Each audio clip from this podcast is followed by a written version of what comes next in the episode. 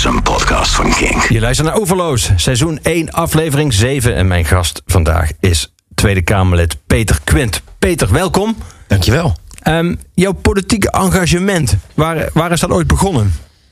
Um, ja, wij, wij, waren niet zo'n gezin waarbij zeg maar, de politiek erin geramd werd. Ik werd niet meegenomen naar kernwapendemonstraties en dat soort dingen.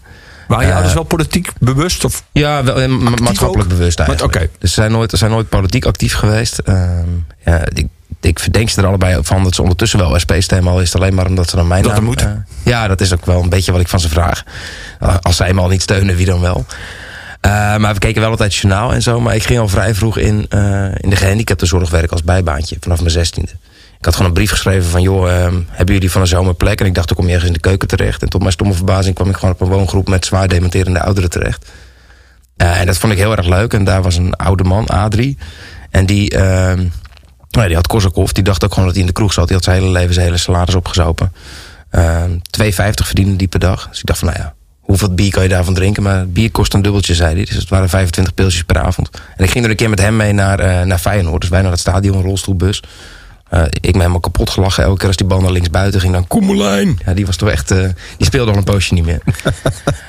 maar dat was de enige keer dat dat kon omdat daarna, ja, weet je, mijn collega, uh, ik had toen een hele ervaren collega, die kon het nog net in er eentje, elf mensen op bed leggen. Maar uh, als ik er niet ben, dan moet iemand anders het doen.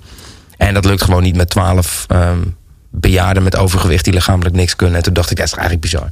Dat in zo'n rijk land als Nederland we zoiets heel simpels... als gewoon iets leuks gaan doen met iemand... Uh, die een uh, leven lang gewerkt heeft en nu uh, zijn oude dagen slijt... dat dat niet meer zou kunnen. Nou ja, toen ben ik een beetje de SP ingerold. Oh, nu sla je wel voor mijn gevoel heel veel stappen over. Want ik kan me ja. voorstellen dat het begin is van enorme politieke bewustwording... en dat je dan op zoek gaat naar welke partij staat dan voor een goede gezondheidszorg... en daar ook geld voor en zo, maar dan...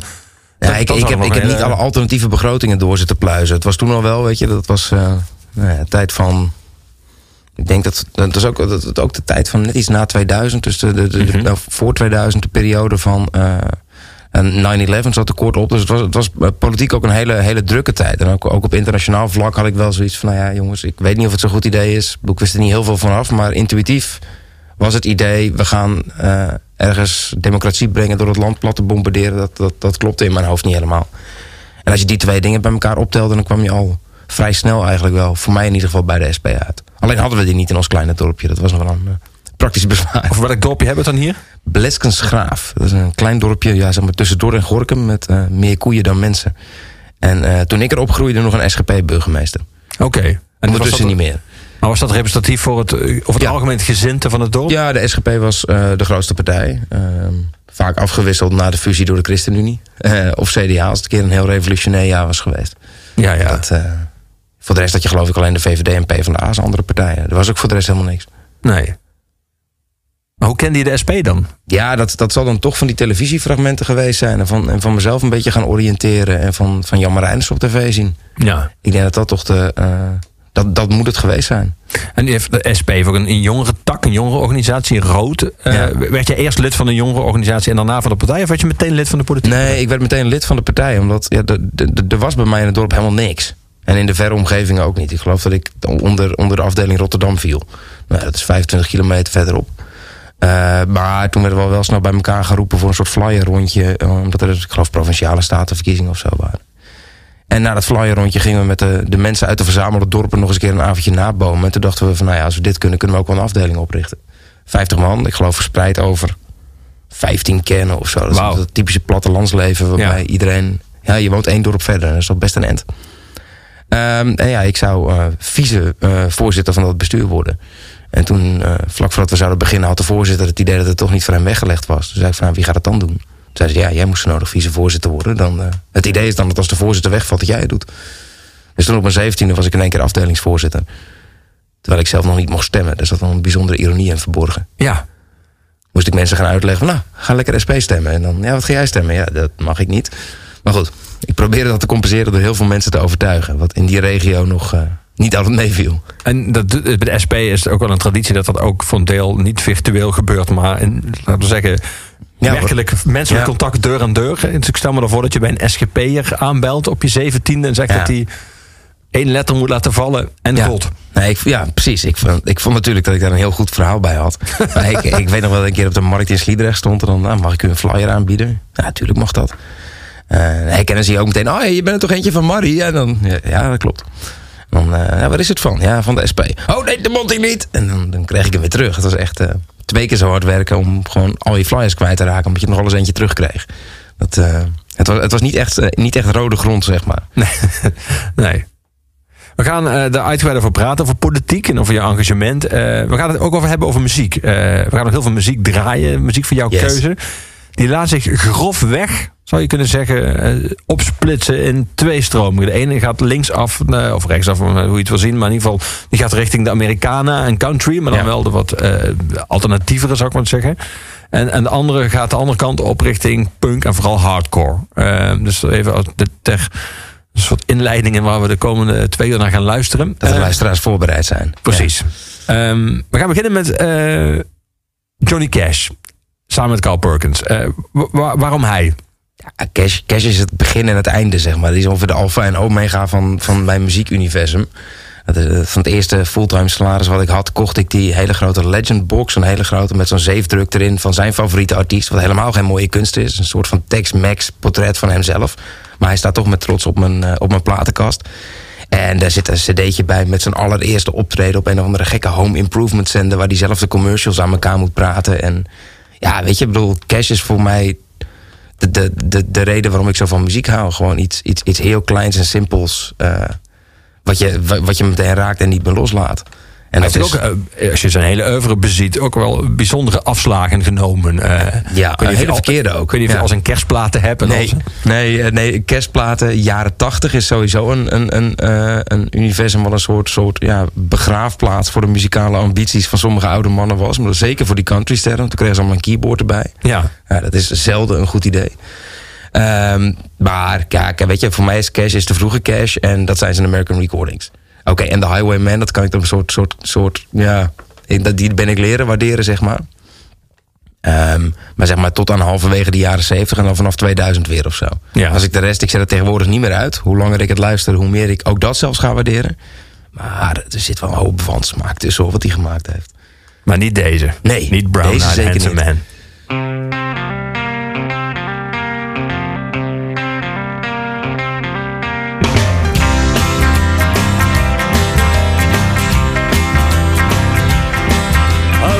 Arrested on charges of unemployment. He was sitting in the witness stand.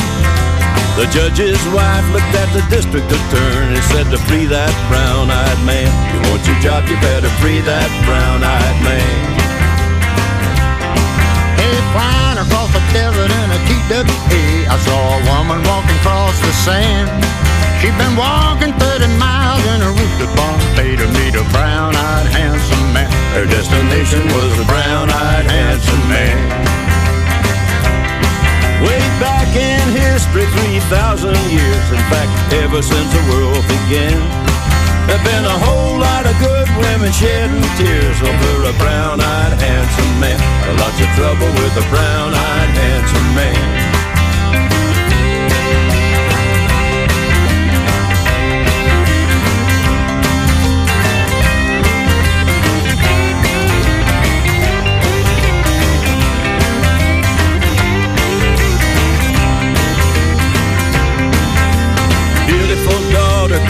Up her mind between a doctor and a lawyer man. Her mother told her, darling, go out and find yourself a brown-eyed handsome man. Just like your daddy, he's a brown-eyed handsome man. Well, Ma Venus was a beautiful lass. She had the world in the palm of her hand. She lost both of her arms in a wrestling match to meet a brown-eyed man. She fought and won herself a brown-eyed handsome man. Two through the count with nobody on. He hit a high fly into the stands. Round in third, he was headed for home. It was a brown-eyed handsome man that won the game. It was a brown-eyed handsome man.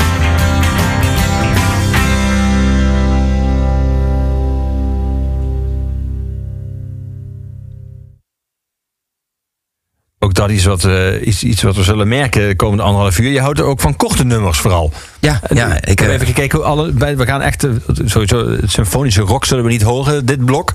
Eh, maar ook geen nummers met de lengte van überhaupt mainstream rock. ik denk dat alles wat je hebt uitgezocht blijft onder de drie, soms zelfs twee minuten. ja, dat, dat klinkt herkenbaar. Ja, is dat, is, heeft dat iets met jouw attention span te maken? nee, dat is precies wat het is. Ik heb Dat is wel totaal iemand verkeerde vraagt, vak. heeft dat iets met je attention span te vragen? En bij het woordje te zeg je al ja. Dat, Ja, ik- Daarom is de vraag ook wel beantwoord. Die, ik vond die vraag zo lang duren. ja, nee, ik, ik vind het verschrikkelijk. Ik kan gewoon niet zo lang één iets doen. En eh, nummers van een paar minuten, dat, dat prima. Een kop en een staart. En Ja, ja. dan, ja, god, de, de, de rest ertussen, dat, dat wordt nog wel eens ruis. Ergens op een van die oude... Solo's heet dat. Van die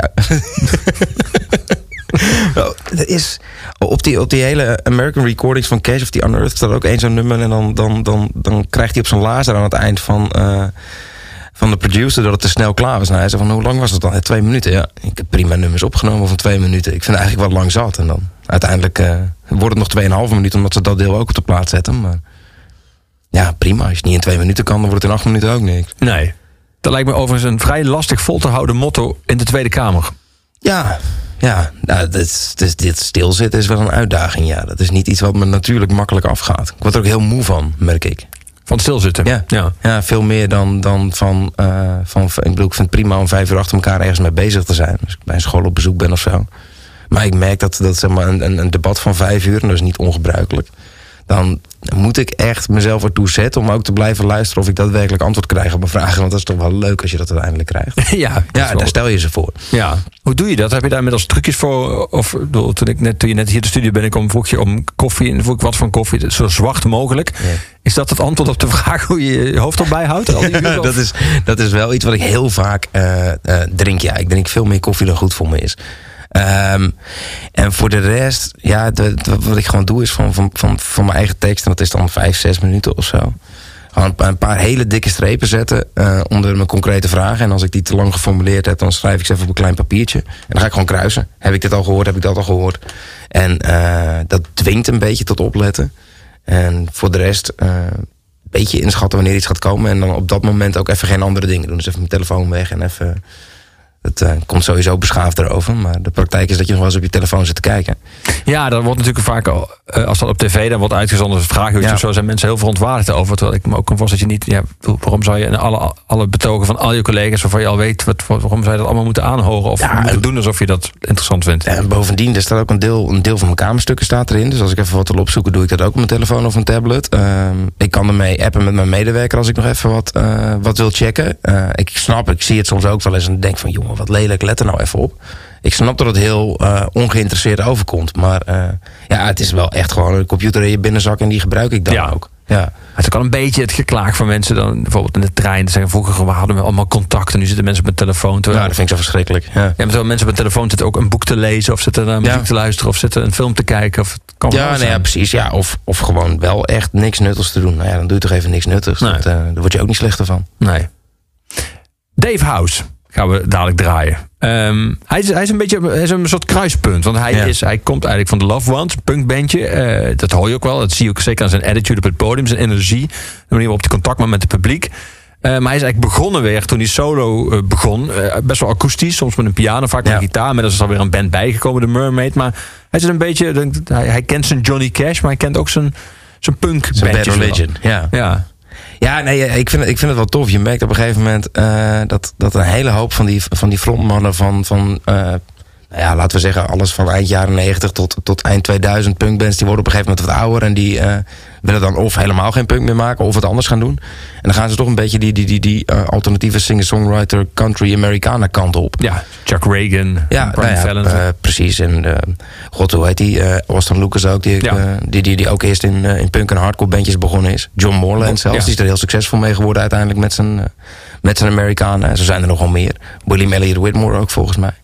En het, het toffe vind ik dat je vaak wel nog een beetje die, die, die punk attitude hoort, zeg maar. Het is... Eh, ik, ik, ik, denk dat je de, de, van, van de gemiddelde uh, alternatieve countryzanger redelijk kan horen of hij ooit in een punkband gezeten heeft. En dat, dat hoor je bij hem ook.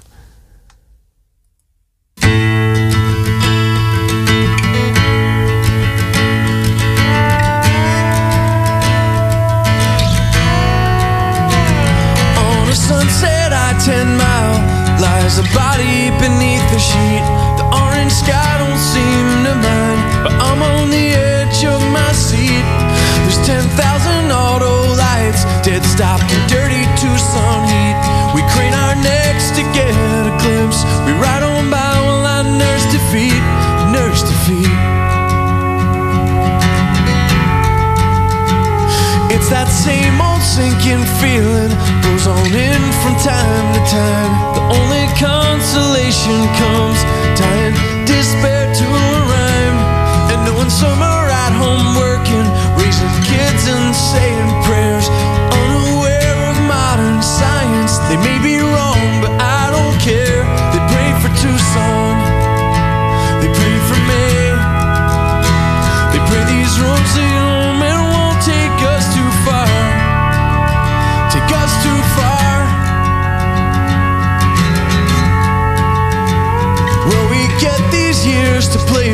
and I've been game to roll the dice. But lately, staring in the mirror has been showing me the price of all the reckless, toxic gambling. Having my fate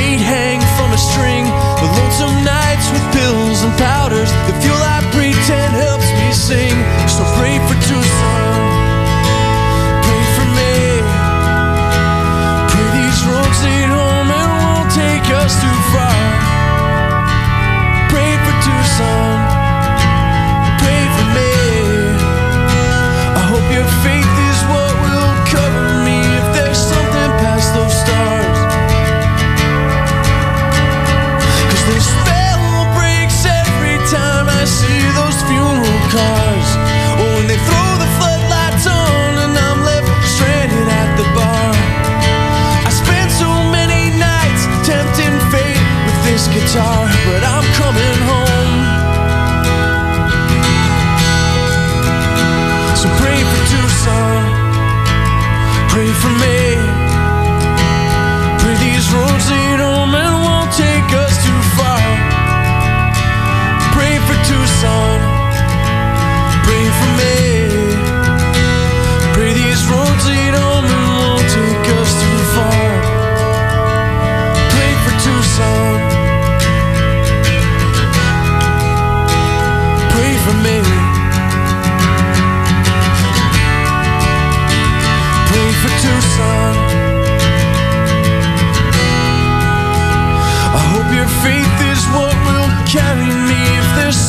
past those stars. Pray for me.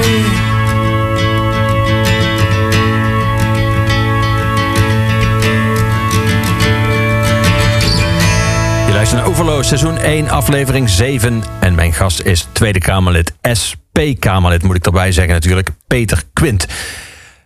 Die op geheel vrijwillige basis, maar dus wel verplicht... een substantieel deel van zijn salaris afstaat aan de partij...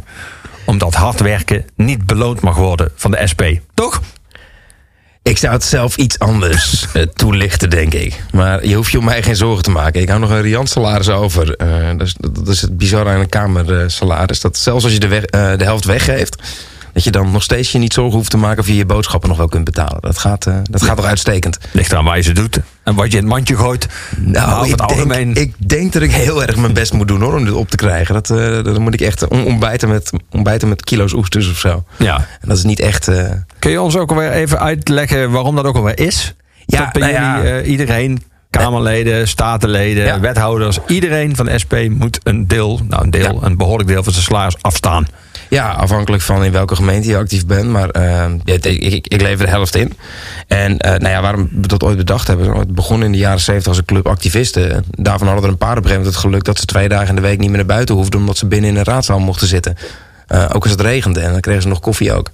En eh, daar hadden we eigenlijk zoiets van, van ja, waarom zouden die mensen nou meer moeten zijn dan, dan onze activisten die gewoon op straat zijn? Omdat, en daarnaast, nou, bijvoorbeeld omdat iedereen kan folderen, maar niet iedereen Kamerlid kan zijn. nou, ook niet iedereen kan folderen. Dat, dat- Heb je ooit iemand ontmoet? Ja, jij kan het weten. Heb je ooit iemand ontmoet die niet kan folderen? Ja, het was voor die mensen die voortdurend de fout ingaan bij brievenbussen. Maar goed, ook, ook langs de deuren gaan is nog, dat is nog best wel een, een aardige vaardigheid. Ja. En bovendien, weet je, bedoel, het geeft ons de kans om eh, dingen te doen die we anders niet zouden Ja, kunnen doen. want jullie zijn Eh, heel juridische rijk. actie- Ja, Ja. dat zijn we. Ja, dat is allemaal ons eigen geld en dat geven we zelf weg. En dan kunnen we daar, weet ik veel, huurdersacties van ondersteunen. Of thuiszorgers naar het Malieveld halen als die een dag gaan staken. Uh, of, uh, nou ja, ik ben toen zelf in, uh, over huurdersacties gesproken in Holendrecht een keer met een hele groep boze huurders. Nou ja, die, die, die zouden uit zichzelf echt niet zo snel naar Oosten gegaan zijn. Naar het hoofdkantoor van, weet ik veel, IJmeren was het geloof ik. Nou ja, hebben we een mooi gekaft boekje met hoe erg die schimmel is. Want dat weet die directeur uit zichzelf niet. En ze hebben geen borden bij zich. Nou ja, dan, dan, dan regelen we dat ook. Dan zetten we ze in de metro, dat hoeven ze ook niet te betalen. En dat zijn allemaal dingen die we anders niet zouden kunnen doen. Uh, ja, of je gaat van mensen die toch al bijna geen geld hebben vragen of ze om met onze acties samen mee te doen. Weliswaar voor hun eigen huis. Maar ook nog een eh, paar euro extra moeten gaan betalen. Ja, wij kunnen dat missen en zij niet. Ja, die afdrachtregeling wordt intern wel eens betwist. Meestal door mensen die vrij snel daarna ex-lid zijn. Ja. Jij bent niet een van die mensen, dat is duidelijk. Ja, nee, ik, ik, ik, vind, ik vind het A een heel mooi principe. Uh, ik vind het, het geeft ons mogelijkheden uh, die ik ook heel tof vind. Uh, ja, wat ik aan het begin al zei, het is ook echt nog genoeg geld. Ik bedoel, het is, bijna 3000 euro netto per maand wat ik nog overhoud. Dat staat gewoon op internet, dat is niet geheim. Ja, en dan krijg ik er ook nog een, een eerste klas treinkaart bij. Ik heb eerder het probleem dat ik mijn geld niet opkrijg aan het eind van de maand... omdat ik gewoon iets te veel aan het werk ben. Dan dat ik geld tekort kom. En dan vind ik het nuttiger besteed aan een, aan een huurdersactie of aan een thuiszorgactie. Val jij 100% samen met de SP? Of zijn er ook standpunten of, of kanten van de SP waar je denkt... nou, dat, het is niet per se waar ik voor zou hebben gekozen, maar ik ben nu eenmaal lid van die club. En dan neem ik alles wat erbij komt. Zoals een, bij een geliefde ook. ja, die karaktereigenschappen. kan je niet meer weg. Ja. Nee, dat, dat, is dat inderdaad. Een soort Hotel California is het. ja. nee, uh, nee, ik ben wel echt uh, een, een, een, een hardcore SP, ja. En wat ook wel helpt, kijk, uh, ik denk dat hoe meer je op afstand zit, Um, hoe minder je ook meegenomen wordt in hoe een standpunt tot stand komt. En als je in zo'n fractie zit en je zit elke dinsdagochtend twee uur te bomen over de dingen die in die week langskomen, dan word je in dat hele traject ook meer meegenomen. Waardoor ik denk dat je uh, ook meer automatisch een soort van overeenkomst gaat hebben. En over de principes ben je het eens. En dan soms, weet je, het is interessant dat je dat beschrijft. Want vaak zie je bij mensen die uh, uit de politiek gaan. En dan uh, soms één of twee jaar later hun dagboeknotities gaan uitwerken. Ja. Zie je opeens dan een veel grotere afstand. Omdat ze met een afstand aan naar kijken. En dan ook anders nadenken. Omdat ze niet meer worden meegenomen in die besluitvorming. Ja. Dan, dat is ook wel, ook wel logisch, toch? Ik bedoel, hoe, hoe dicht je ergens bovenop zit. En ook gewoon hoe, hoe meer je ergens in wordt meegenomen. Hoe meer je in de discussie over een standpunt wordt meegenomen. Ja. Hoe logischer het is dat je dan op het eind het met elkaar eens bent. Als je daar rustig de tijd van neemt. Niet altijd natuurlijk, weet je. Ik bedoel, dat, dat hou je toch. Bedoel, het is niet alsof er veertien klonen van, uh, van mij in de uh, Kamerfractie zitten. Godzijdank niet qua uiterlijk, maar ook niet, uh, ook niet qua, qua, qua, qua stijl. Of maar heb je als afwijkend gestemd of niet in de Tweede Kamer? Nee, nee dat, gebeurt, dat gebeurt eigenlijk. Sowieso is dat volgens mij deze hele Kamerperiode nog helemaal niet gebeurd. Bij geen enkele partij. Ik, ik, vind het ook ik vind het een ingewikkeld iets. Omdat uh, ik, ik snap dat. Ik vind ook goed dat de mogelijkheid er is. Uh, maar uiteindelijk vind ik ook wel... Ik ben niet gekozen als Peter Quint. Weet je wel? Ik, bedoel, ik ben gekozen als nummer 8 van de SP.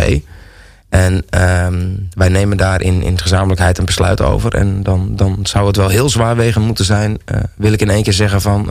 nee, nee, nee, hier ga ik hier ga ik mijn eigen positie bepalen. Ik kan me nog, wie was dat nou? Hennis. Bij, uh, toen ging het over het homohuwelijk. Toen ja. had de VVD net een deal, ja. deal, gesloten met de SGP. Ja. En toen ging een, iets rondom homohuwelijk, ik weet niet meer precies wat, ging niet door. En zij had zich er heel erg hard voor gemaakt. En zij stemde toen toch niet mee met... Uh, ze, ze wel mee met haar fractie en niet mee met degene die voor de verruiming van het voorstel waren. En toen zei ze na afloop van ja, ik wil ook niet de indruk wekken dat ik een soort van meer moreel verheven ben dan mijn andere collega's die hier ook problemen mee hebben. En dat vond ik eigenlijk wel een mooie uitleg. Dat, dat, dat, dat vond ik ook wel getuigen van. Uh, ja, dat, dat, dat, dat, vond, dat vond ik een mooi rond verhaal over waarom je dat niet, uh, niet snel doet. Mm -hmm. Maar in haar geval dus ook vaak helemaal zie je het ook, het, het, komt niet zo vaak voor. Het komt vooral vaak voor, volgens mij, op hele ethische kwesties. Ja, ja en militaire missies ook nog wel eens een keer. Ja. bij ja. GroenLinks vorige periode of zo. Dat ja. één iemand niet wilde dat ze in Afghanistan zouden blijven. Um, ja, dat, dat vind ik eigenlijk een best wel cosmetisch onderscheid. Omdat als je doortrekt, zijn een hele hoop andere kwesties ook ethisch. Het, uh, het verhogen dan wel verlagen van de bijstand vind ik ook een ethische kwestie. Uh, net zozeer als dat ik de verruiming van euthanasie-wetgeving uh, een ethische kwestie vind. Um, maar het ja, is waar dat de traditie... Ik kan me toch voorstellen dat abortus bijvoorbeeld anders weegt... dan uh, verruiming van de koopzondag ja. in Noord-Holland. Ja, nee, in dat specifieke geval wel, ja. Maar ja, weet je, ik uh, bedoel, uh, bereikbaarheid van medische zorg, eigen risico, dat, dat heeft ook ethische uh, implicaties. En, maar het is inderdaad de traditie dat het vaak bij medisch-ethische dingen of bij militaire missies, dat dat zeg maar de momenten zijn, A, waarop er bijna al het hoofdelijk gestemd wordt, en B, waarbij er ook nog wel eens een keer een afwijking is eh, binnen een partij. Ja. Jason Isbell gaan we naar luisteren. Ah. Volgde jij hem al toen hij nog bij de band zat? Ja, Bij de Drive-By Truckers? Ehm, maar ja, maar ik vind eerlijk gezegd, daar gaan vast mensen boos over worden. Ik vind zijn solowerk beter. Ik vind, eh, hij is er beter van geworden en ik vind dat de truckers er ook niet per se slechter van geworden zijn op een of andere manier. Dus het is een, een, een hele gelukkige scheiding geweest, eh, wat mij betreft muzikaal gezien. Ja, ik vind het echt fantastisch. Ik weet niet meer welk nummer ik aangeleverd heb, maar Dit.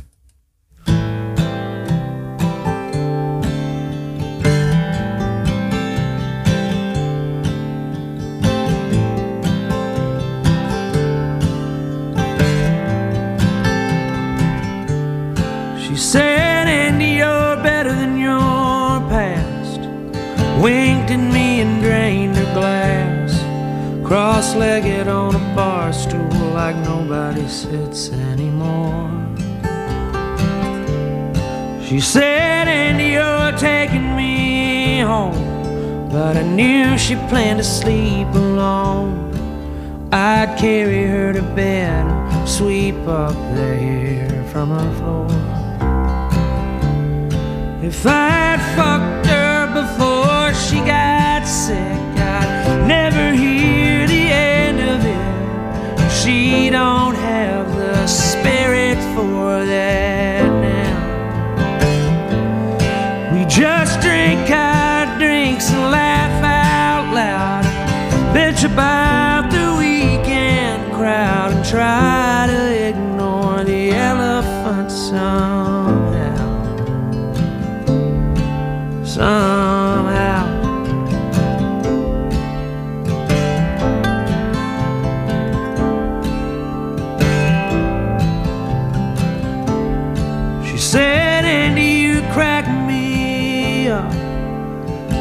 Seagram's in a coffee cup. Sharecropper eyes and the hair almost all gone. When she was drunk, she made cancer jokes. Made up her own doctor's notes. Surrounded by her family, I saw that she was dying alone. But I'd sing her country songs and she'd get high and sing along. She don't have a voice to sing with now. We burn these joints in effigy, cry about what we used to be, try to ignore the elephant somehow somehow.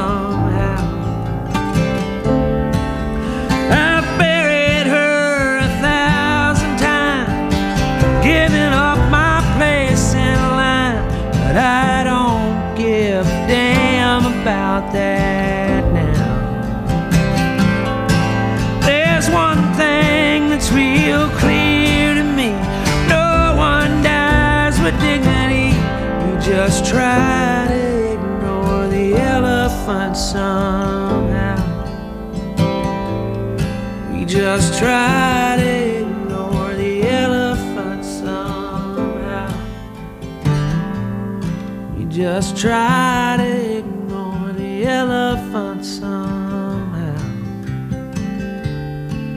Somehow. Somehow.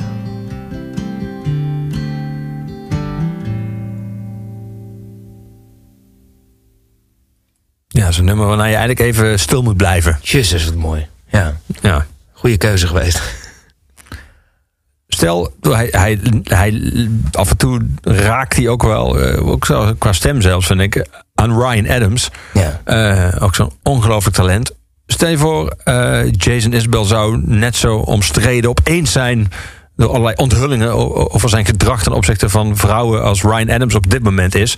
Zou je dan nu anders naar het nummer luisteren of maakt dat niet uit? Weet ik niet zo goed eigenlijk.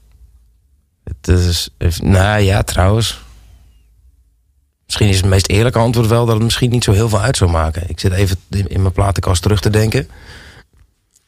Nou ja, R. Kelly hield ik sowieso niet van. Dus dat, dat, dat links laten liggen is niet zo'n heel groot probleem. Jij geloofde niet dat hij kon vliegen. Nee, nee, dat was... De eh, hemel kon nee, raken. ik, vind, ik, ik vind de punkversies van zijn nummers vaak wel heel vermakelijk.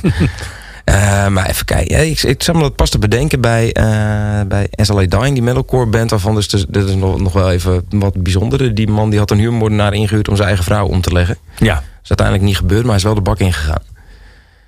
Ik denk, plaat denk ik dat het nog wel anders is. Ik, denk dat ik, ik weet niet of ik nog met op dezelfde manier naar een live show zou kunnen kijken. Ja. Dat, dat gaan we misschien zien bij, bij Ryan Adams. Ehm, kijk, ik bedoel, de, de muziekje op de achtergrond wat even langskomt of zo, dat is eh, anders denk ik dan dat je een avond eh, intens naar iemand staat, eh, staat te kijken. Een ingewikkeld dilemma in hoeverre de, de Nou, ook omdat je natuurlijk een van losstaan persoonlijk... van- eh, je hebt ook mensen die, die, die spelen gewoon en zeggen niks tegen het publiek en maken geen enkel contact. Maar zeker iemand als Ryan Adams heb je gewoon twee jaar lang contact mee. Die Ja. maakt grapjes, die vertelt Ja, verhalen. Die, Je hebt het idee dat je echt bij hem op een podium zit Ja. en dat hij tegen jou die grapjes maakt. En dan, denkt toch, wat, dit, wat is hij toch gaaf, wat is hij toch cool. Ja, het is toch anders. Ja. Ja, en dan, dan, dan komt er in één keer zo'n hele beerput die open gaat. eh. en dat, ja, het is nog iets te kort geleden, denk ik. dat eh, het is nu nog niet zo dat op het moment dat ik een playlist op heb staan of zo... en ik hoor het voorbij komen, dat het eerste is waar ik aan denk. Ehm, ik vind het ook ingewikkeld in hoeverre, ja, weet je, in hoeverre is het product wat, wat, wat iemand maakt... staat dat los van de persoon die het is. Eh, het is in, in, in theorie heel makkelijk te zeggen, ja, het zijn twee totaal verschillende dingen. Maar ik denk dat er voor iedereen een grens komt dat hij denkt van... ja, maar dit, is, dit, dit, dit verpest voor mij echt eh, Ja. de beleving van, eh, van de band of het project waar ik naar luister. ja, dat zal bij R. Kelly fans zo zijn. Dus bij Lost Prophets bijvoorbeeld Ja, ook zo'n nou ja, voorbeeld. precies zo'n geval. Ik, ik was zelf, ik vond eh Wolfdown, een Duits hardcore bandje, fantastische plaat gemaakt. Echt heel goed. Super, echt extreem, extreem, extreem linkse teksten, zelf voor mijn maatstaven. En eh, ja, die stonden altijd op de, eh, op de barricades tegen, tegen racisme en, seksisme. En toen bleek dat die zanger een ongelooflijke klootzak was... die een of andere hele eh, ver- verneukte relatie had met meerdere vrouwen tegelijkertijd of zo. Ik weet het niet eens meer precies. Schande. Ja, daarvan had ik dus wel zoiets. Het gaat zo recht in tegen wat je zegt. Ik denk dat ik Je zijn ook tegen polygamie bij de SB.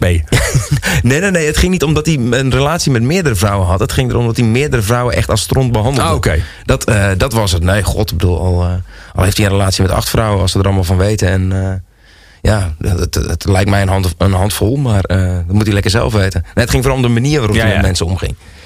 En ja, die, die plaat heb ik echt, echt weinig meer uit de kast getrokken. omdat het, het was zo'n totaal, zeg maar, morele disconnect tussen wat je preekt en wat je doet.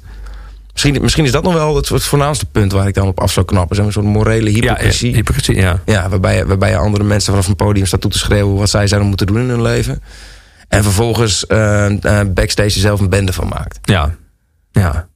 We gaan iets heel anders draaien. nu. Iets wat ook best wel afwijkt van de rest. eh, omdat het, eh, nou ja, zwaar ironisch is. eh, zelfs tegen de camp aanneigt. Waar ik jou voor de rest eigenlijk, eh, jouw muzieksmaak, als ik zo naar een lijstje kijk, werkelijk nergens op een liefde voor kan eh, betrappen. Maar dit is een band eh, die bestaat uit leden van allerlei gerenommeerde punkbands. En eigenlijk gewoon zo slordig mogelijk en met zo jolig mogelijk covers spelen van bekende nummers. Ja. Eh, Me First en de Gimme Gimmes. Altijd, altijd spelen ze voor uitverkochte zalen. Ja. Altijd maken ze er een type zo van. Die ja. dan ook wel weer een soort van grappig is. Je had eigenlijk Straight Up gekozen van Paula Abdul. Maar ik zie net dat twee nummers daaronder staat. Believe, I Believe I Can Fly van R. Kelly. Daar Dat is wel toepasselijk?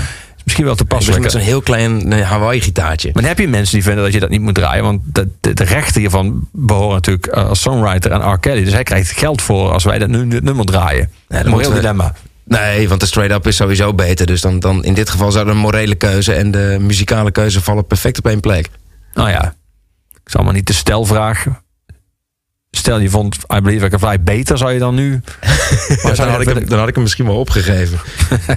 We gaan, maar snap je, ik bedoel, eh, het is anders dan je andere muzikale keuze. Ja. Dit, dit is ironischer. Dit is een soort van, Ja, maar ik hou, ik, ik hou ook wel van, van, van, van tong-in-cheek pretpunk, zeg maar. Ik bedoel, uiteindelijk eh, is, zoals bij de meeste mensen, is dat denk ik waardoor ik in de harde gitaarmuziek terechtgekomen ben. Het waren de punkbandjes op de middelbare school. En dat was uh, NoFX, Millencolin, uh, Lagwagon, Bouncing Souls. Uh, nou ja, dan heb je ongeveer de helft van de band waar al deze mensen vandaan komen. Ja.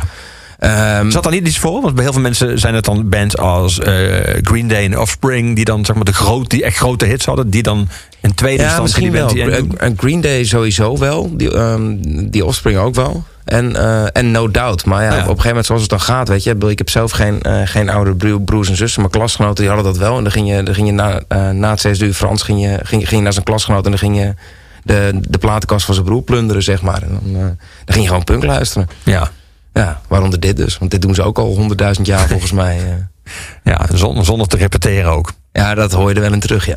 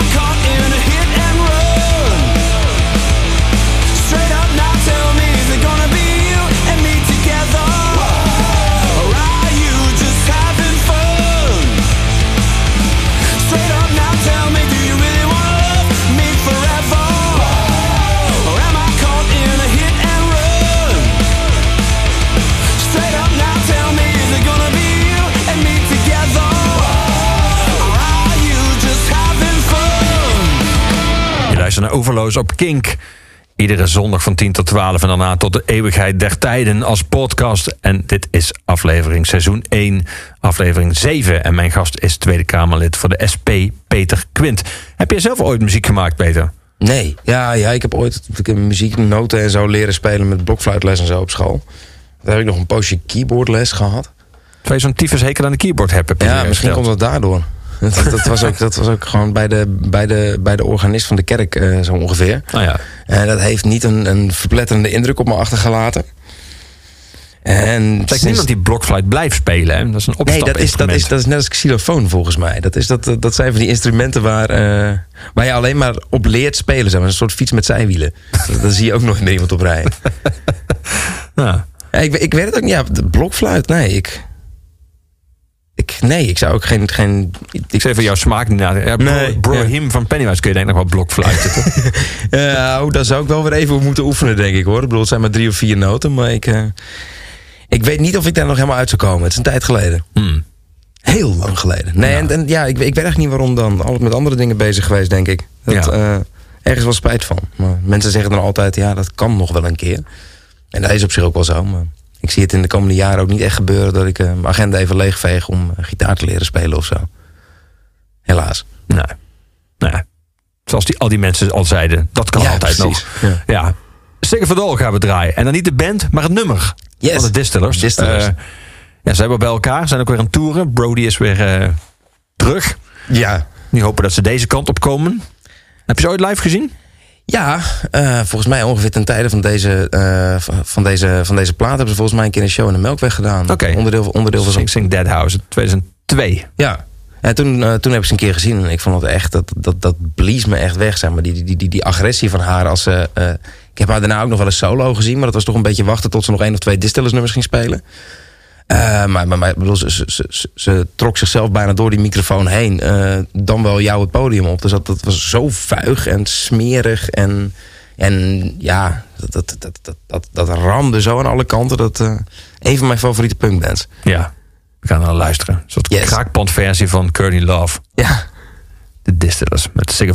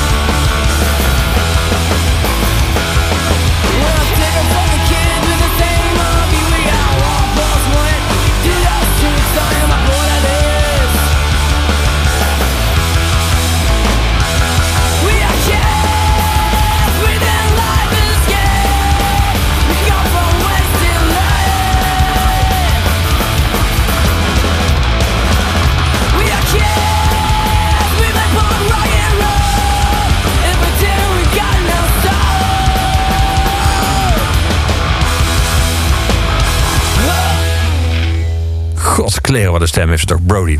Heerlijk. Geen Ja. stem met een randje, een soort randje met een stem of zo. Ja, ja, Zo het is, dat is nou ja, wat, ik, wat ik zei. Het is een beetje alsof je, alsof je ontbijt en een paar scheermesjes in de blender gooit voordat je ze eh, ja, Ja. dat dan naar binnen werkt. Vind je het belangrijk, eh, gezien jouw eh, vrij eh, sterke, stevige politieke opvatting, dat de muziek waar jij naar luistert, dat die op de een of andere manier aansluit bij jouw opvattingen? Of maakt dat niet uit? Nee, nee. Dat, Kan je ook bij naar Kid Rock en Ted Nugent luisteren met veel plezier? Nou, dat, dat, dat voornaamste bezwaar ligt daar denk ik vooral op het feit dat ik het gewoon echt kutmuziek vind. Ehm, nee, dat hoeft, dat hoeft voor mij echt niet. Ik bedoel, je kan prima ook naar, eh, naar, naar- naar een eh, hardcore of punkband... of in- vooral die country bands, die, bedoel, die zingen ook regelmatig... of niet zo heel veel meer dan, eh, dan barbecue en een pick-up truck. Nou, ik heb een Ford Focus en ik ben vegetariër... dus dat, dat, dat, dat appelleert niet heel erg aan mijn belevingswereld.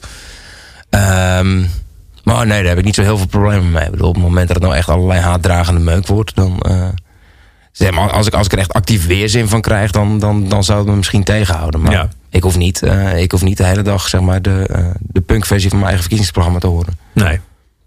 Dat, ja, weet weet je, ik bedoel, muziek is voor mij ook gewoon primair dat. Muziek. Heel veel van de hardcore muziek waar je die hebt uitgezocht, daar gaan we daar ook naar luisteren. eh, die, die is niet per se zelf oud, of die bands zijn niet per se zelf oud. Maar die appelleert wel aan de oldschool tak van de hardcore. Eh, Ja. Die hele stroming aan nieuwere hardcore bands die heel veel metal erin stoppen. Maar ook, heb je ze weer, keyboards. Eh, Ja. heb, heb je daar veel mee? Of is, ben je daar wel afgehaakt? Of misschien Nee, ik of- of vind zelfs het- nooit ingehaakt? Nee, ik vind zeg maar t- van, die, van die wat meer lompe uh, moshcore of zo, met, met die metal invloeden, dat trek ik nog wel. Er is ook zo'n, zo'n uh, te sterker nog, dat vind ik soms ook gewoon heel erg vet. Er is ook zo'n eh, zo'n smal deel, zeg maar, wat, wat nou ja, een beetje die, die, die, die metalcore bands die, die hele grote zalen vol spelen, van Until She Sleeps en, Ja, en, Drive, ja. Architects. Nee, dat, dat is voor mij echt te, te, te veel bombast en eh, te veel ehm, ja, de heftige neonkleuren op t-shirts. En eh, nee, dat, dat doet voor mij niks. Dat, dat, dat mist precies alle urgentie die ik, in, die ik in hardcore wel zo tof vind. En heel fijn dat je een, een, eh, een drumstel een salto kan laten maken op een podium. Maar ja, Dat is een hele grappige combinatie van uit de traditie van hardcore tappen, maar qua show eigenlijk net zo goed bij de jaren 80 metal en Kiss. Ja, het is, het is eigenlijk stadionrock, maar dan, Ja. maar dan op, op, op volume 12 of 13. Dus, dus wat harder. Ehm, maar het kruipt er wel steeds meer naartoe. Ik bedoel, je merkt allemaal dat zijn bands die wel allemaal... eh, Ik bedoel, in die zin, kijk, ik bedoel, je kan er wel een soort van waardering op opbrengen. Ik bedoel, Architects of Parkway Drive... die heb ik allebei nog wel eens in een voorprogramma... ergens in een klein jeugdcentrum in, eh, in Vlaanderen zien spelen. Die zijn al die jaren doorgegaan en nu spelen ze de AFAS vol. Ja. Eh, geen enkele vorm van kritiek, eh, van harte, heel hard voor gewerkt. Maar ik vind er geen hol meer aan. Ik bedoel, dat, die, je, je hoeft het voor mij niet, eh, niet aan te zetten. Dan gaan we een band draaien die nooit in stadions heeft gespeeld, maar wel van invloed is geweest op al die bands. Gorilla Biscuits. Yes.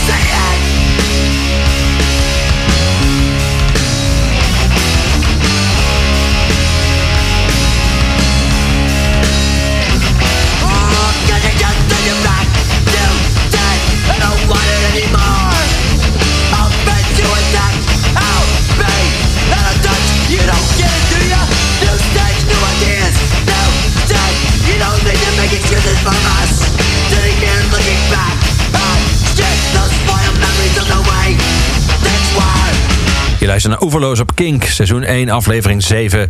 Mijn gast vandaag is SP Tweede Kamerlid Peter Quint.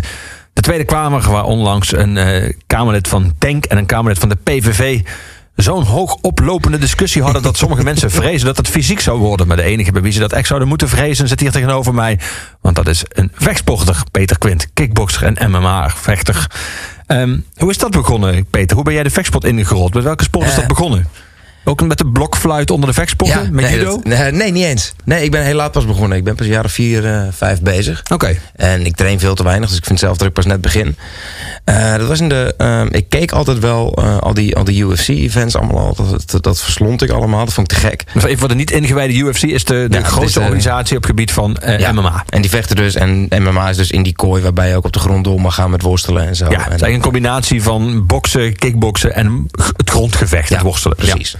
En ehm, nou, dat keek ik altijd. En ik moest een sportdebat doen voor de gemeenteraadsverkiezingen. En eh, dat werd georganiseerd door de Sportraad. En mijn stelling werd eh, ingeleid door Marloes Koenen. Voor de mensen die haar niet kennen, meervoudig wereldkampioen in mixed martial arts. Ehm, dus ik had helemaal zoiets van, oh, die ken ik van mijn, van, van, van mijn tv. En toen raakte een afloop aan de praat. Zei ze van, ja, maar als je het een beetje wil begrijpen... dan moet je het eigenlijk ook gewoon zelf gaan doen. Nou ja, tegen een meervoudig kampioen zeg je niet zo snel nee. Ehm, dus to- toen ben ik eigenlijk begonnen, een beetje met, eh, met kickboksen. En eh, dan, dat is nog steeds het voornaamste wat ik doe, is, eh, is kickboksen. Maar zo af en toe, afhankelijk van wanneer ik kan, pak ik een, een lesje grondworstelen mee. Ja. Maar dat, dat is niet echt waar mijn talent ligt. Het is echt verschrikkelijk ingewikkeld. Ja, want voor de totaal niet ingewijden, en dat zijn er bij vechtsport over het algemeen Ja, meer dan veel. wel ingewijden. Bij kickboksen heb je, combineer je stoot- en traptechnieken. Dus eigenlijk boksen, even heel Ja. simpel gezegd, met trappen erbij. Ook met je benen. Ja. Precies. Maar bij eh, MMA ga je verder als een van de twee op de grond terechtkomt. Sterker nog, is zelfs eh, bij sommige vechters de bedoeling Ja. om de ander zo snel mogelijk op de grond te krijgen, omdat ze daar eigenlijk veel beter in zijn. Ja. Maar er komt een compleet scala aan nieuwe technieken om de hoek kijken. Ja, burger, je kan, klemmen. het, je kan het, hele, het hele menselijk lichaam ongeveer langslopen. Ik bedoel, je, je, je hebt letterlijk toe locks waarbij het gaat om het verbuigen van de, de, de- eh, eh, dat, onderste deel van je voet. Je hebt enkel locks waarbij je dus ja, enkel verbuigt. eh, de knie, de kneebar, dat kan ook. Eh, nou ja, dan, dan je er is veel mogelijk, laten we dat Ja, maar. en er zijn heel veel verschillende manieren waarop je verwurgd kan worden, heb ik in die jaren ontdekt. Ja. The hard way. Maar- Ja. ja. Die zijn er, eh, die die zijn in het begin van ons gesprek. eh, voor mij zijn heel veel onderwerpen die we in de Tweede Kamer behandelen, hebben een ethische lading, of zijn ethische onderwerpen, of morele discussies, of morele keuzes. Mhm. Er zijn mensen die op basis van een soort mo- die morele bezwaren hebben tegen vechtsporten, Ja. tegen alle vechtsporten. Ja.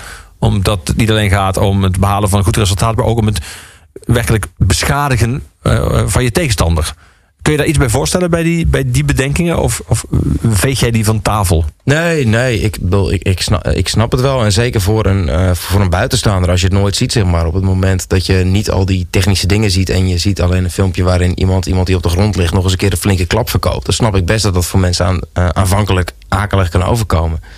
Eh, in mijn ervaring is, bedoel, draait, eh, draait vechtsport als het, eh, als het goed gedoseerd wordt ook echt om, om eergevoel en zelfbeheersing en zelfcontrole. En is het eigenlijk een hele, bedoel, er zitten heel veel ehm, nou ja, Oosterse aspecten in. En dat merk je ook wel in, in een goede gym merk je dat, zeg maar. Er is een soort serene rust waarbij het vooral gaat om, om, om je eigen technieken. En waarbij het niet per se gaat om eh, iemand anders zijn ogenkast te breken. Maar moet ik zeggen, ja, dat helpt uiteindelijk wel als je wil winnen.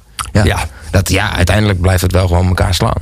Maar ja, dat, ja dat, dat morele bezwaar is volgens mij al zo oud als de sport zelf. En dat, dat, bedoel, het was een van de eerste Olympische sporten samen met hardlopen, geloof ik. Ehm, Ja, het- het flikkert iets, iets heviger op de laatste tijd weer. Omdat de sport natuurlijk populairder aan het worden Ja. zijn. Dus veel meer mensen komen ermee in aanmerking, eh, in aanraking. Omdat het inmiddels op televisie te zien is. Bij de niet-sportkanalen. Ja, precies. Ja, Ja. dat vind ik alleen maar mooi. Weet je, bedoel, haal, het ook maar, eh, haal het ook maar uit dat soms wat loesje hoekje dat het zat. En eh, als, alsof het alleen maar nou ja, veredeld straattuigen was wat, eh, wat aan die sporten deed. Wat soms ook gewoon waar was. Ik bedoel, een, een deel van het slechte imago van de vechtsport hebben ze toch echt aan zichzelf te danken. Ehm, maar ja, mooi. Trek dat maar die, eh, trek dat maar die mainstream in. Ik denk dat, eh, dat, dat het voor een hele hoop mensen in Nederland goed en gezond zou zijn als ze eh, af en toe eens een keer een vechtsport zouden doen. We gaan muziek draaien die ook vrij fysiek is. Althans, die band wel live. Een van de meest intense bands. In, ja, het is officieel zou je kunnen zeggen een hardcore band. Maar het, het, het waaiert veel meer kanten op. Modern Life is War Ja. is de naam van de band. First and Ellen is een nummer dat je hebt uitgezocht. Waarom, waarom, waarom deze band, om daar eens mee te beginnen? Ja, ik weet, is de eerste keer dat zij in Nederland kwamen. De, speelden ze in Bitterzoet en volgens mij ook in eh, een van zo'n Arnhem Hardcore meeting. En toen, eh, toen, toen sliepen ze bij eh, een vriend van mij in huis. En die wilde ongeveer een week lang niet in huis, omdat ze alleen maar op de bank lagen en een beetje zaten het internet en aan het hangen waren. En dat, was allemaal niet, dat, dat, dat vond hij allemaal niet zo heel gezellig. Eh, maar we gingen wel naar die show. En ik kon op geen enkele manier wat ik daar in die zaal en op dat podium zag gebeuren, rijmen met, met die wat passief hangerige gasten. Die blijkbaar die hebben een week lang, denk ik, uitgerust voor die show. en dat was echt, nou ja, dat, de, dat, dat de bitterzoete nog staat, mag echt een godswonder heten. Dat was, dat was zo ongelooflijk intens. Dat, dat, uh, nou ja, en je bent, je bent als hardcore liefhebber echt wel wat gewend aan, uh, aan emotie en snelheid en vuur op een podium. Maar dit was echt, uh, ja, a whole different level. Fantastisch.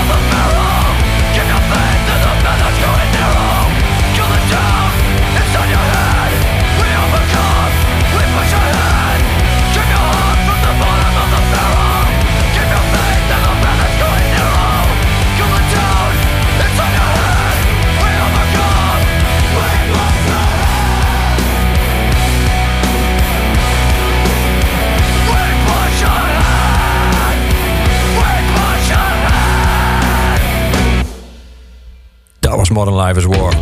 Dat is het volgende nummer, maar dat moeten we helaas wegveden. Tot groot ongenoegen waarschijnlijk van Peter Quinten, mijn gast vandaag hier in Oeverloos. Ja, die had je nog wel even door mogen laten lopen. Dat bedoel Allemachtig, ik. wat een band. Dat, uh, die vechtsport waar we zojuist over hadden, uh, daar ben jij ook uh, op, op, laten we zeggen, beleidsmatige manier actief in geworden. Want je ja. hebt je uiteindelijk ingezet, is een soort autoriteit ja. in de vechtsport die toezicht houdt op of alles volgens de regels gebeurt. Jij bent er actief in geworden ook om, om de regels wat aan te scherpen. Want dat was nogal onduidelijk hoe dat zat. Er werd ook niet allemaal nageleefd. Nee, ja, goed, er was ook gewoon niks. Er was niet zoveel om na te leven. Iedere, uh, iedere, Iedereen deed maar wat. Ja, iedere gek kan zijn eigen bond beginnen. En die, uh, er zijn heel veel wereldtitels in het vechtsport. Ik bedoel, dat is, uh, Omdat er heel veel bonden zijn. Elke ja. bond heeft zijn eigen titel. Ja, precies. En, die, en dat maakt het A nogal chaotisch en B nogal ingewikkeld om controle op uit te voeren. En uh, er zijn toen, ik geloof 2009, 2010, twee keer schietpartijen. Of één keer een schietpartij en één keer nou ja, nog iets heel erg fout gegaan op een vechtsportgala. En toen heeft Van der Laan in Amsterdam toen nog gezegd... Uh, jongens, ik doe het helemaal niet meer. Ja. Die heeft toen te horen gekregen van zijn sportraad, waar ik het net ook al over had. Van ja, nou, nu veeg je wel echt een hele sport uh, van de kaart die heel belangrijk kan zijn. En toen zei hij, oké, okay, maar dan moet er wel gewoon organisatorisch wat gaan veranderen. En daar heb ik toen in een vroeg stadium al een beetje over, over meegedacht. Maar ik zou daar niet in gaan zitten. Maar toen, ja, goed, de vechtsport, iedereen, eh, niemand is voor iemand acceptabel, zeg maar. Dat zal het wel een keer ruzie hebben gehad in een ver verleden in de jaren zeventig. Ehm, en dan, nee, die is niet objectief genoeg. Dus toen waren weer een keer wat mensen afgevallen. En ik, ik zat in Toscane op een heuvel. En toen, eh, toen belde Van der Laan. En die liet meestal bellen. Maar nu belde hij zelf zo van... eh, ja, ik zet je even op luidspreker. En je moet ja zeggen. Toen legde hij de situatie uit. En toen vroeg hij heel erg open. Dus, dus ik neem aan dat jij wel in het bestuur kan. Ik zei, ja, ja, druk. Hij zo, ja, weet je hoe fucking druk ik het heb? Ja, goed punt. En toen ben ik er eh, in, in, in het bestuur terechtgekomen. En zijn we bezig met nou ja, bijvoorbeeld de regels rondom trappen naar het hoofd bij kinderen. Omdat gewoon echt overweldigend bewijs is dat het heel erg slecht voor je hersenen is. Eh, om dat aan te passen, maar ook de regels rondom, eh rondom vechtsportevenementen, financiering. Ja. Dat vechters niet de ene week knock-out geslagen kunnen worden... en dan twee gymzalen verder een week later weer kunnen vechten. Want als je knock-out geslagen wordt, moet je gewoon rust houden. Nou ja, dat soort dingen. Kleine stapjes, maar het gaat, gaat de goede kant op, denk ik.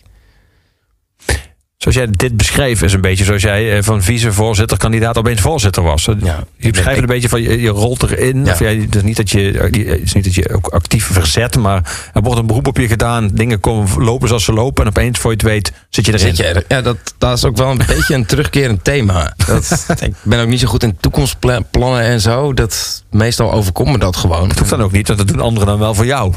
Ja, maar weet je, tot nu toe, bedoel, dat is een extreem luxe positie om in te zitten. Maar tot nu toe kom ik ook best op leuke plekken terecht uiteindelijk. En eh, ik bedoel, ik heb niet het idee van, oh, had ik toen maar een keuze zelf wat meer gemaakt, want dan, ja, nee, bedoel, tot nu toe vind ik eigenlijk bijna alles wat ik doe wel interessant. Wat wilde, je vroeger, wat- wilde je vroeger later worden dan?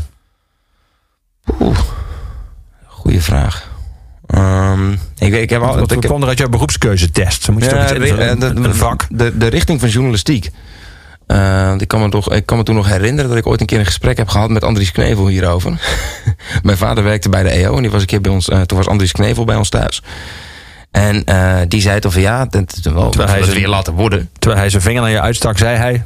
Ja, precies. Dus met dat opgeheven vingertje zei hij: Zo jongeman, wat wil jij laten worden? Dus ik zei: Nou, ik over journalistiek na te denken. Oh, ook de opleiding, ja. Zei dat moet je niet doen. Eh, we hebben veel meer aan academisch geschoolde mensen die uiteindelijk de journalistiek ingaan dan aan de vakopleiding. Oké. Dus toen eh, ben ik maar wat gaan rond gaan kijken. Ben ik uiteindelijk eh, een soort mix van geschiedenis en politicologie gaan doen. Op, mede op aanraden van Andries Knevel dus. Dus eigenlijk door Ja. de hand van God. Nee, zo heb ik het zelf wel ervaren, ja. Ja, hij ook misschien wel. De vinger in ieder geval.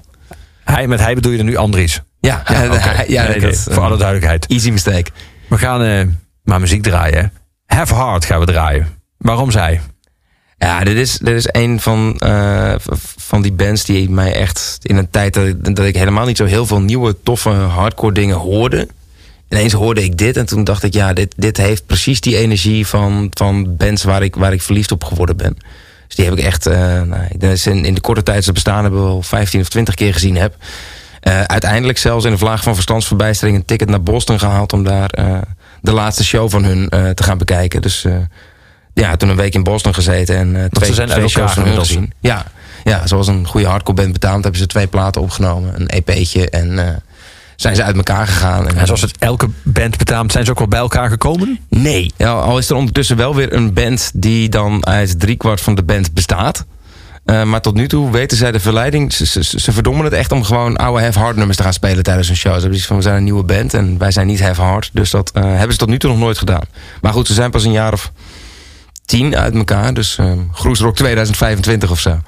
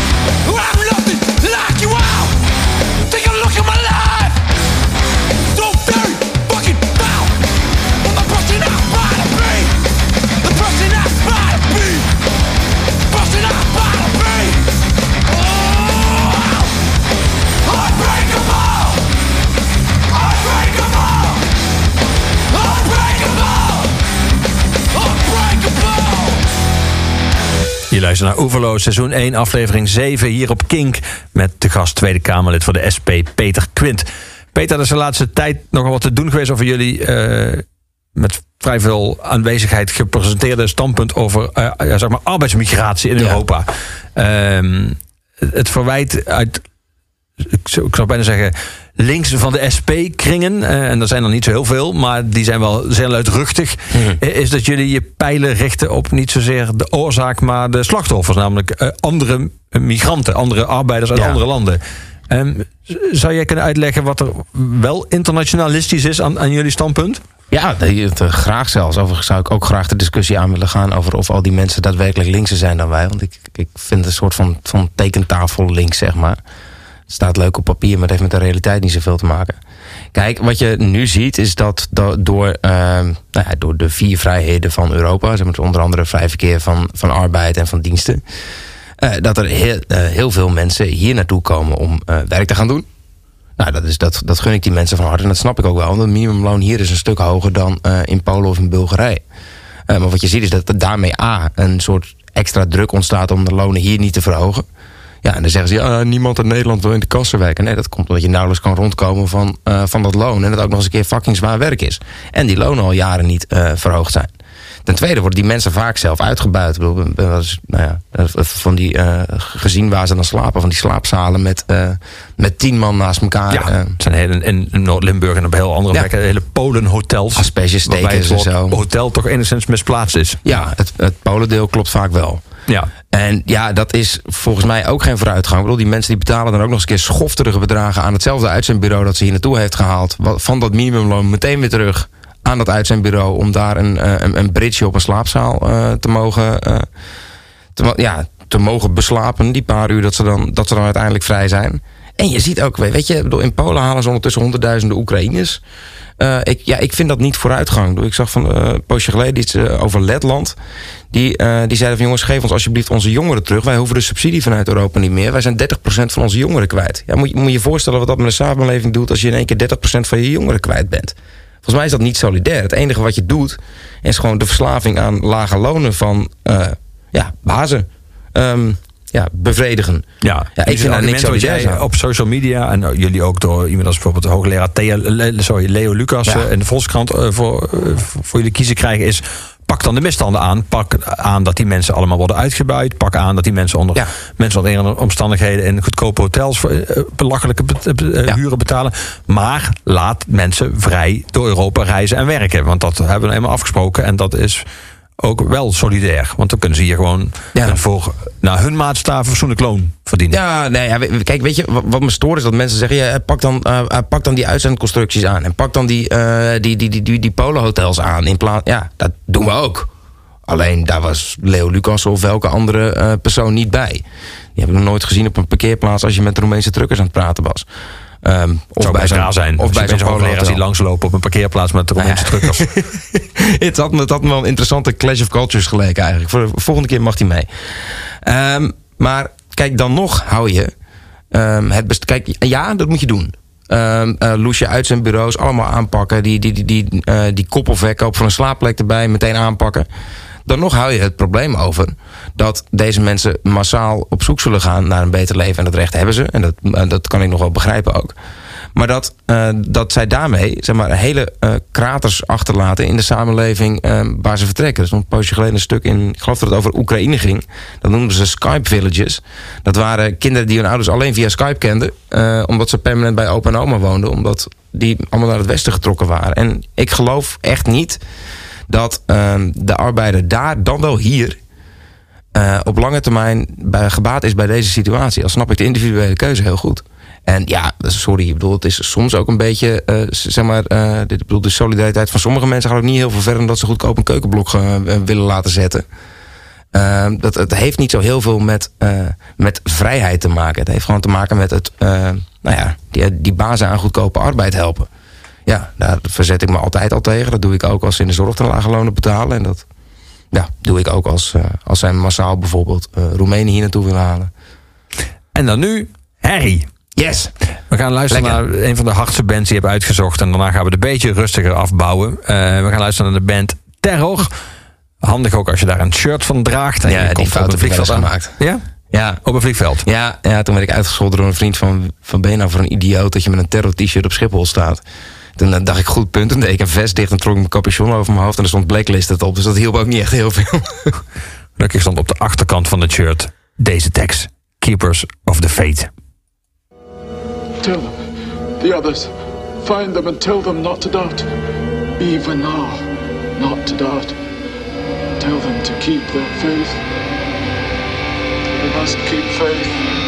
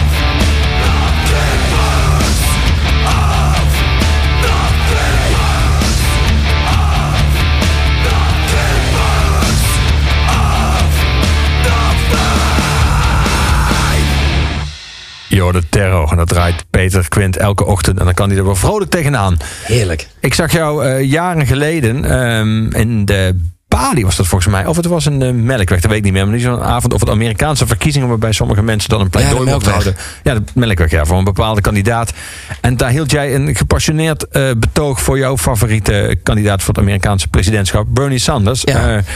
Eh, ehm, Bernie verloor van Hillary en Hillary verloor, vervolgens van Trump. Ehm, zou Bernie gewonnen hebben, denk jij, van, eh, van Trump?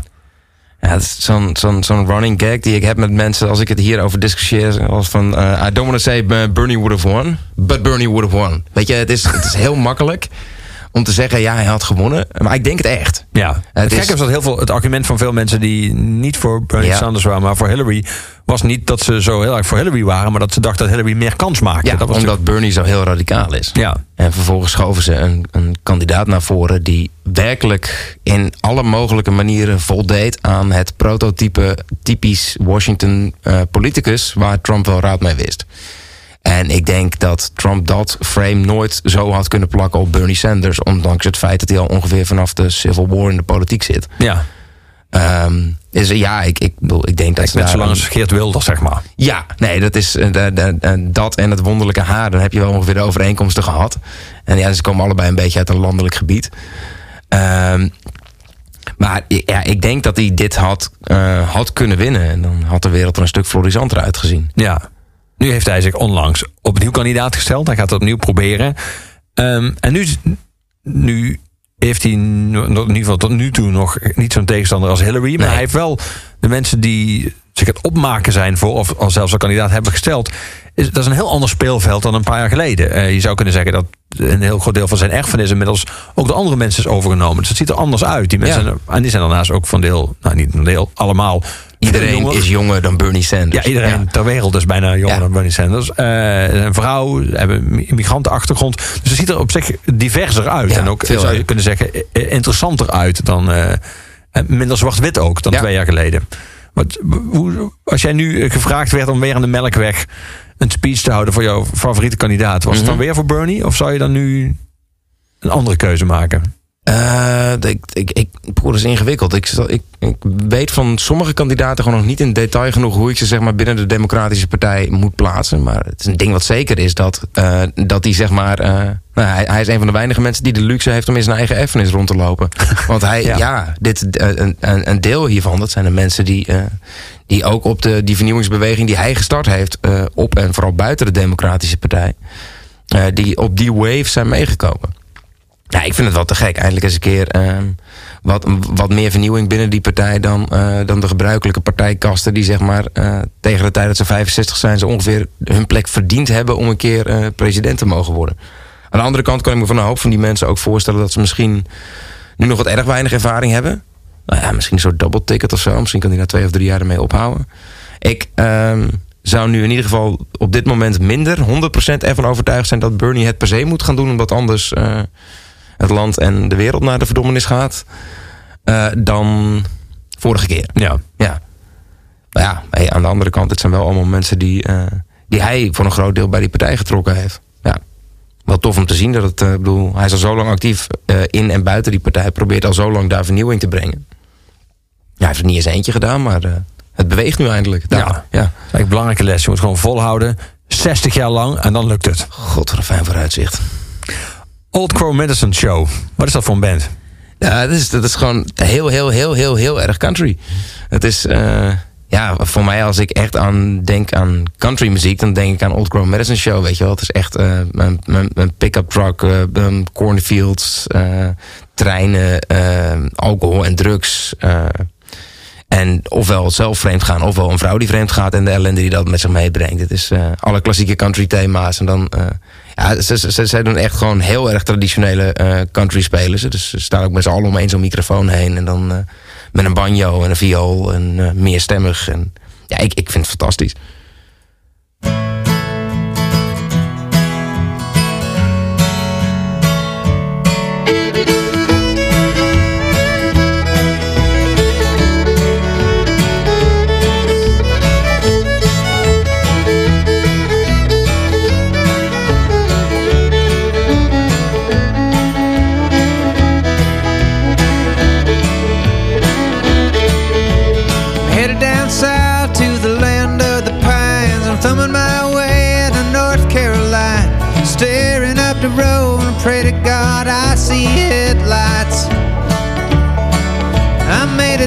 Coast in 17 hours. Picking me a bouquet of dogwood flowers. And I'm hoping for Raleigh I can see my baby tonight. So rock me, mama, like a wagon wheel. Rock me, mama, any way you feel.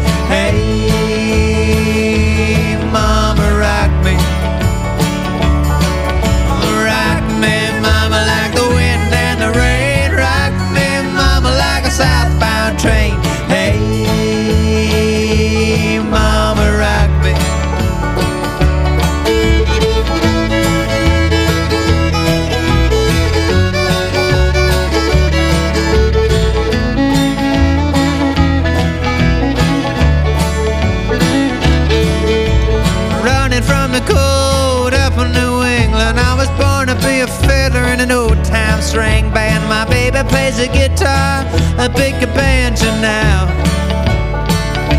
Oh, North Country winters keep forgetting me, and I lost my money playing poker, so I had to up and lay. But I ain't turning back to live that old life no more. So rock me, mama, like a wagon wheel. Rock me, mama, any way you feel.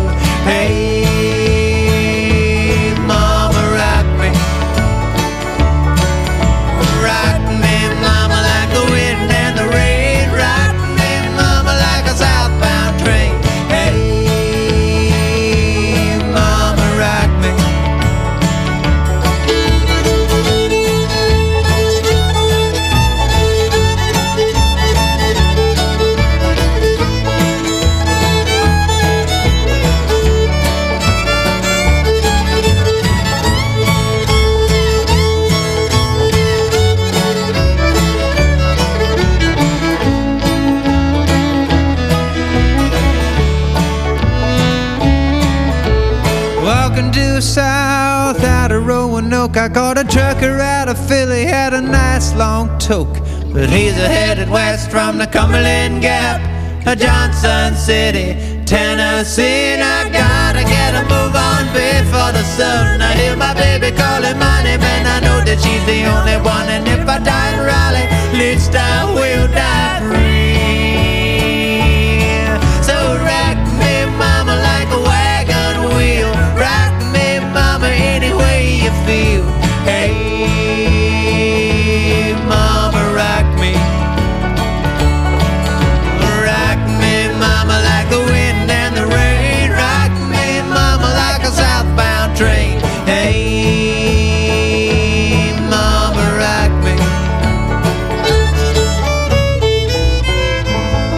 Luistert naar Oeverloos hier op Kink. Iedere zondagochtend van 10 tot 12 en daarna als podcast. Mijn gast vandaag is SP Tweede Kamerlid Peter Quint, ex-gemeenteraadslid Ja. in Amsterdam.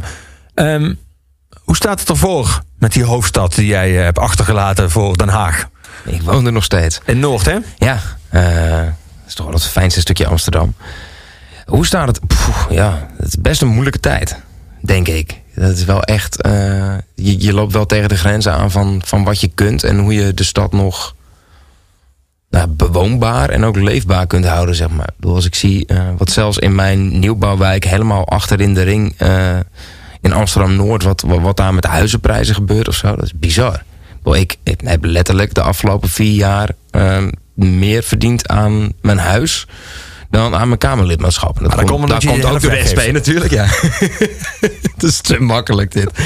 Eh, ik, ik zou dus moeten nadenken. Ik denk zelfs als ik eh, gewoon eh, huistuin en keuken eh, VVD-Kamerlid was geweest... dat ik, eh, die, die verdienen wel vaker aan het hebben van een huis. Maar dan vaak meerdere huizen. Maar dat, dat ik er dan nog meer op vooruit was gegaan. Het gaat met tienduizenden euro's per jaar. Dat is, Ja. nou ja, goed. Mijn, mijn, mijn huis zou je nu niet meer kunnen betalen.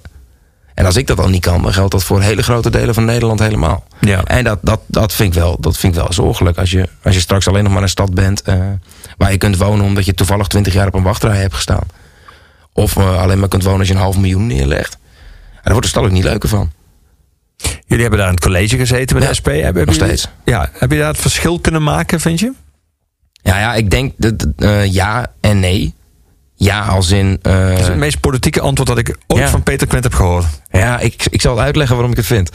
Ehm bouwrecords en dat soort dingen gevestigd. Ehm, hele goede afspraken gemaakt met de percentages sociale nieuwbouw. Dat, dat, is echt, dat, dat was lange tijd totaal out of style. En nu eh, gewoon de dik de helft eh, is betaalbare huur. Wat nieuw wordt gebouwd. En dan ook nog eens een keer heel veel nieuw bouwen. Maar ik denk niet dat het nu al genoeg is. Nee, het is echt... ehm Dat is vier bijna jaar is tegen de klippen- geweest. Tegen de klippen op bijna. Ja, maar je, je, je hebt wel te maken met krachten die een stuk groter zijn dan de stad zelf. En je merkt wel dat, zeker als Den Haag ook nog niet meewerkt. En dat doen ze niet nu met allerlei boetes voor, eh, of voor corporaties. Of in ieder geval dat die geld moeten afdragen en zo. Het is een hele moeilijke tijd en dat is echt recht tegen de trend in. Dus eh, nou ja, in die zin is die vier jaar dat ik er zat... dus ook een tijd geweest van tegenhouden.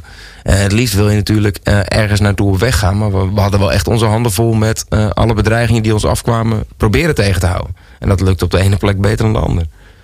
Nou, bijvoorbeeld toerisme wordt natuurlijk veel over Ja. gediscussieerd in Amsterdam. Daar kun je het ook maar van een heel klein deel heb je dat in de hand. Ja. Als er in China een middenklasse ontstaat die wil reizen en die komen met 10.000 Amsterdam, heb je daar als gemeenteraad niet heel veel.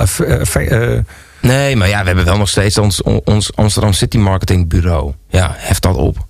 Weet je, mensen maar weten- zelfs dan, zelfs als je Ja, nee, natuurlijk. Die mensen komen echt niet allemaal hierheen omdat ze een city marketing foldertje hebben gezien.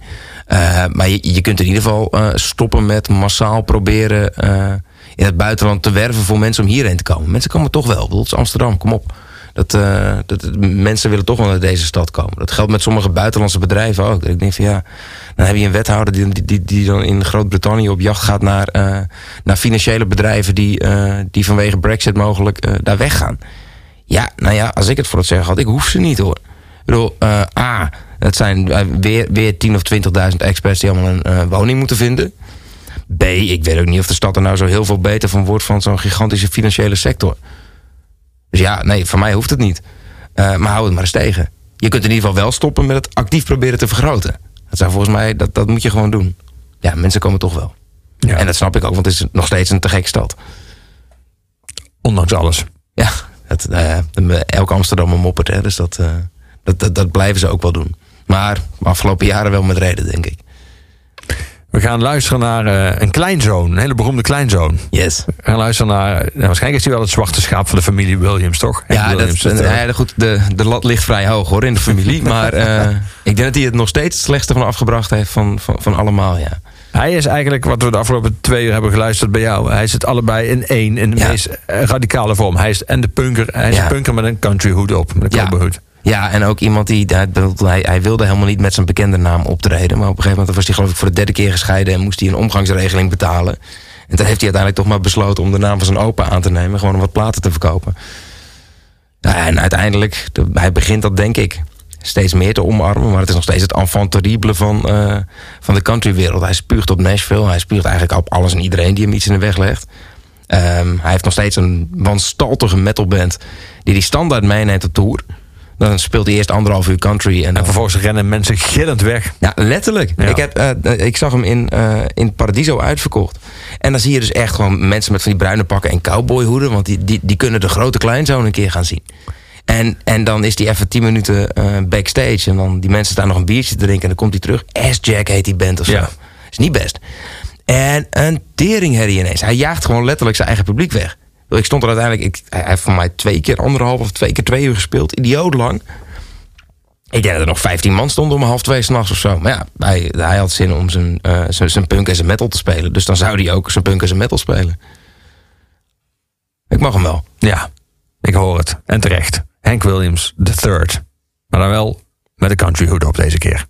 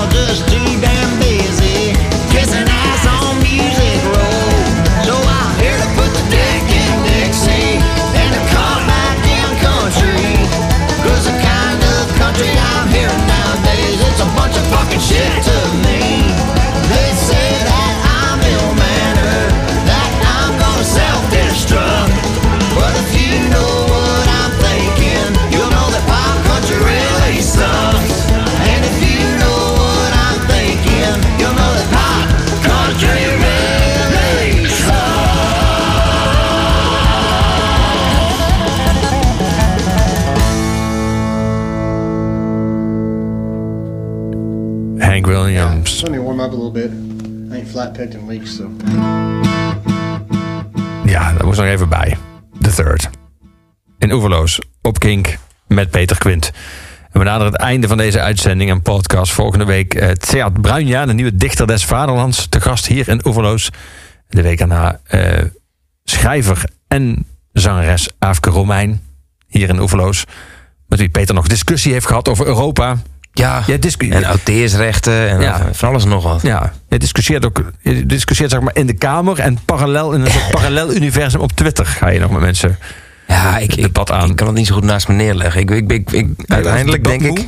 Wat zei je? Ben je wel eens debatmoe? Ja, nee, eigenlijk niet. Dat, dat, zit wel, dat zit vrij diep in mijn genen, zeg maar. Gewoon met alles en iedereen een discussie aangaan. Ben je eens Peter Quint moe? Ja, dat wel. Dat ik gewoon zoiets denk van... Jezus jongens, had ik, had ik vandaag nou... Had ik mijn dag echt niet nuttiger kunnen besteden dan... Dan met iemand met een Winston Churchill account... Die, eh, die KKK was zo gek nog niet... at hotmail.com als gebruikersnaam heeft... te discussiëren over de Europese. Unie. Ja. Dan heb ik achterhoofd wel eens zoiets van... Jezus man, leg dat ding gewoon eens weg. Waarom, waarom maak je er zo druk om? ja. Aan de andere kant, weet je... Ik bedoel, Wat is het eh, antwoord op die vraag? Waarom maak je daar zo druk om?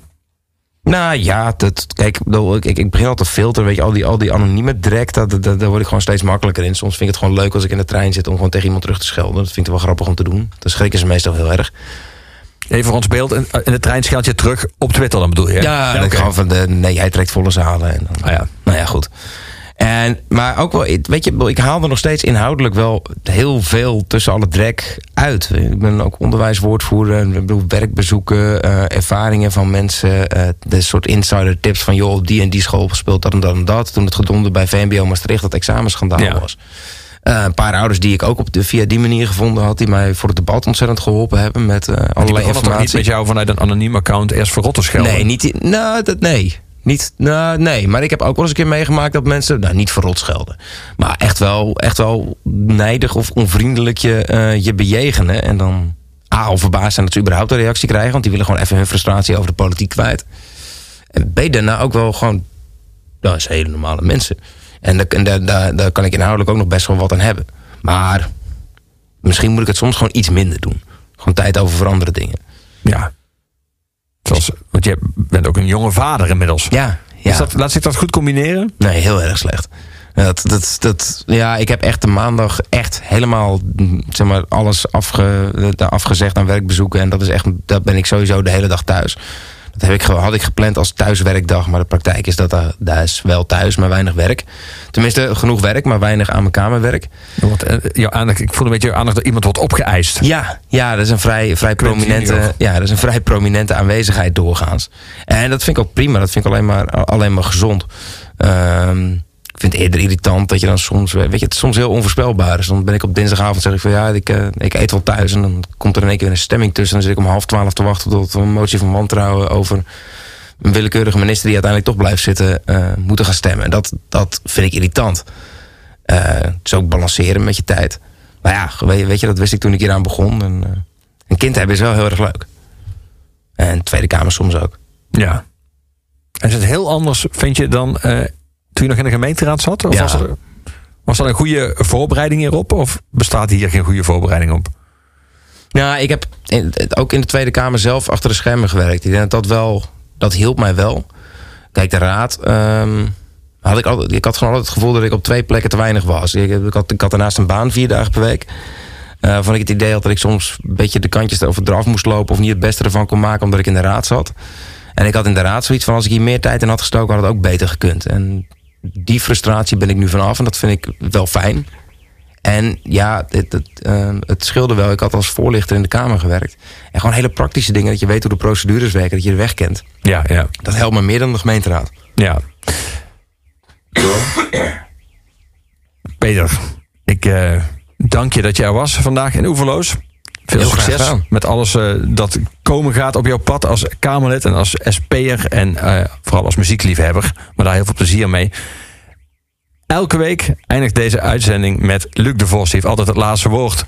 En deze keer heeft hij het laatste woord niet met een eigen nummer, maar een cover. Om een beetje bij het punk van Peter te blijven. Want hij stond laatst vooraan bij een reunieconcert in de Melkweg. In de Melkweg.